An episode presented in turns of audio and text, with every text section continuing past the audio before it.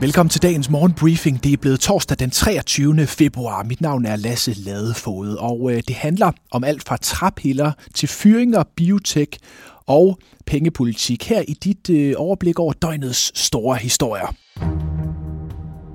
Der er nedlagt sanktioner mod at importere træpiller fra Rusland til Danmark og resten af EU. Men, som du kan læse på forsiden af dagens børsen, så finder de russiske træpiller potentielt vej til Danmark via Tyrkiet.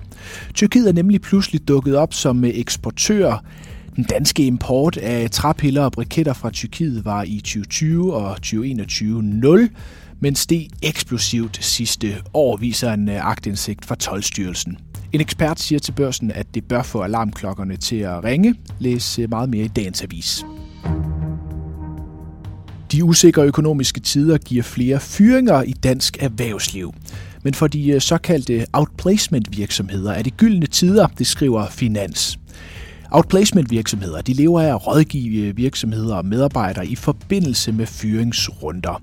Jesper Magnussen fra virksomheden Markius siger til Finans, vi har skingerne sindssygt vanvittigt travlt. Fra at der ikke skete noget, eksploderede det, siger han til øh, Finans.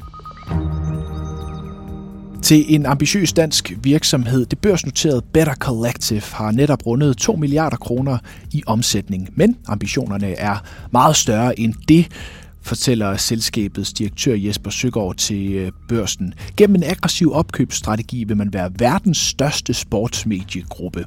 Jesper Søgaard siger, at vi føler, at der er en stor mulighed for os. Der er ikke rigtig nogen andre, der har taget den position, hvor man som selskab er relevant på sportsmedier i rigtig mange geografiske markeder, siger han til børsen.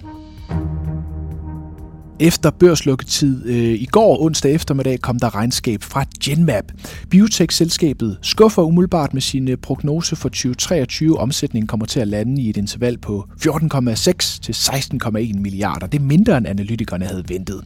Men topchef Jan van de Winkel er øh, positiv. Han siger til børsen, at man vil investere kraftigt i år at kraft stadig bliver øh, det tungeste ben for selskabet, men at man i løbet af 2023 vil afsløre et nyt sygdomsområde, som Genmap vil satse på.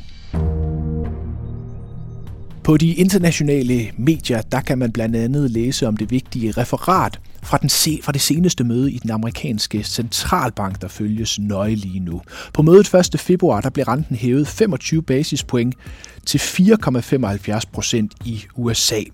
Men enkelte af Federal Reserves medlemmer ønskede faktisk at hæve renten endnu mere med 50 basispoint, da den amerikanske økonomi fortsat viser styrke, og inflationen til trods for et fald fortsat er alt for høj i forhold til centralbankens mål om øh, en inflation på 2%. Det fik nogle markedsdeltagere til at øh, blive bekymrede for, at Fed kommer til at hæve renten endnu mere end hidtil ventet. Det satte sig i aktiestemningen.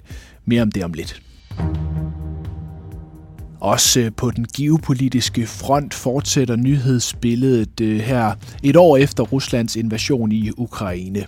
Her var den øh, kinesiske topdiplomat Wang Yi onsdag på besøg hos Ruslands præsident Putin, det første store møde mellem de to lande siden krigens udbrud. Kina og Rusland sigter angiveligt mod at styrke samarbejdet, lyder det fra parterne, til trods for citat international pres for at gøre det modsatte. Det skriver Financial Times. På aktiemarkedet er det altså i dag værd at holde øje med Genmap-aktien i den danske handel. Onsdag blev det til et øh, fald til C25 på knap 1%. Bavaria Nordic endte igen i bunden. Også i USA var der minus, så øh, i går for fjerde dag i træk faldt aktierne. S&P 500 endte øh, nede med 0,16%. Det lå ellers fint til en lang periode, men referatet fra det seneste Fed-møde ødelagde stemningen. Vi slutter med en af de helt store historier på det danske børsmarked de seneste dage og uger. Det er kaos i GN Store Nord, som skal ud og hente 7 milliarder kroner i markedet for at finansiere sidste års køb af Steel Series. Det har øh, ført til ramaskrig hos øh, investorerne, og en af de utilfredse investorer kan du møde i den nye udgave af Børsen Investor Podcast. Lars Hytting, han er aktiechef i Arta Kapitalforvaltning. Han giver her sit syn på krisen i GN. Altså, jeg husker, at helt tilbage fra lærebøgerne på side 1, min tid på CBS i 1900 og rødkål. Altså, der står, øh, der står altså, at man skal maksimere aktionærernes værdi.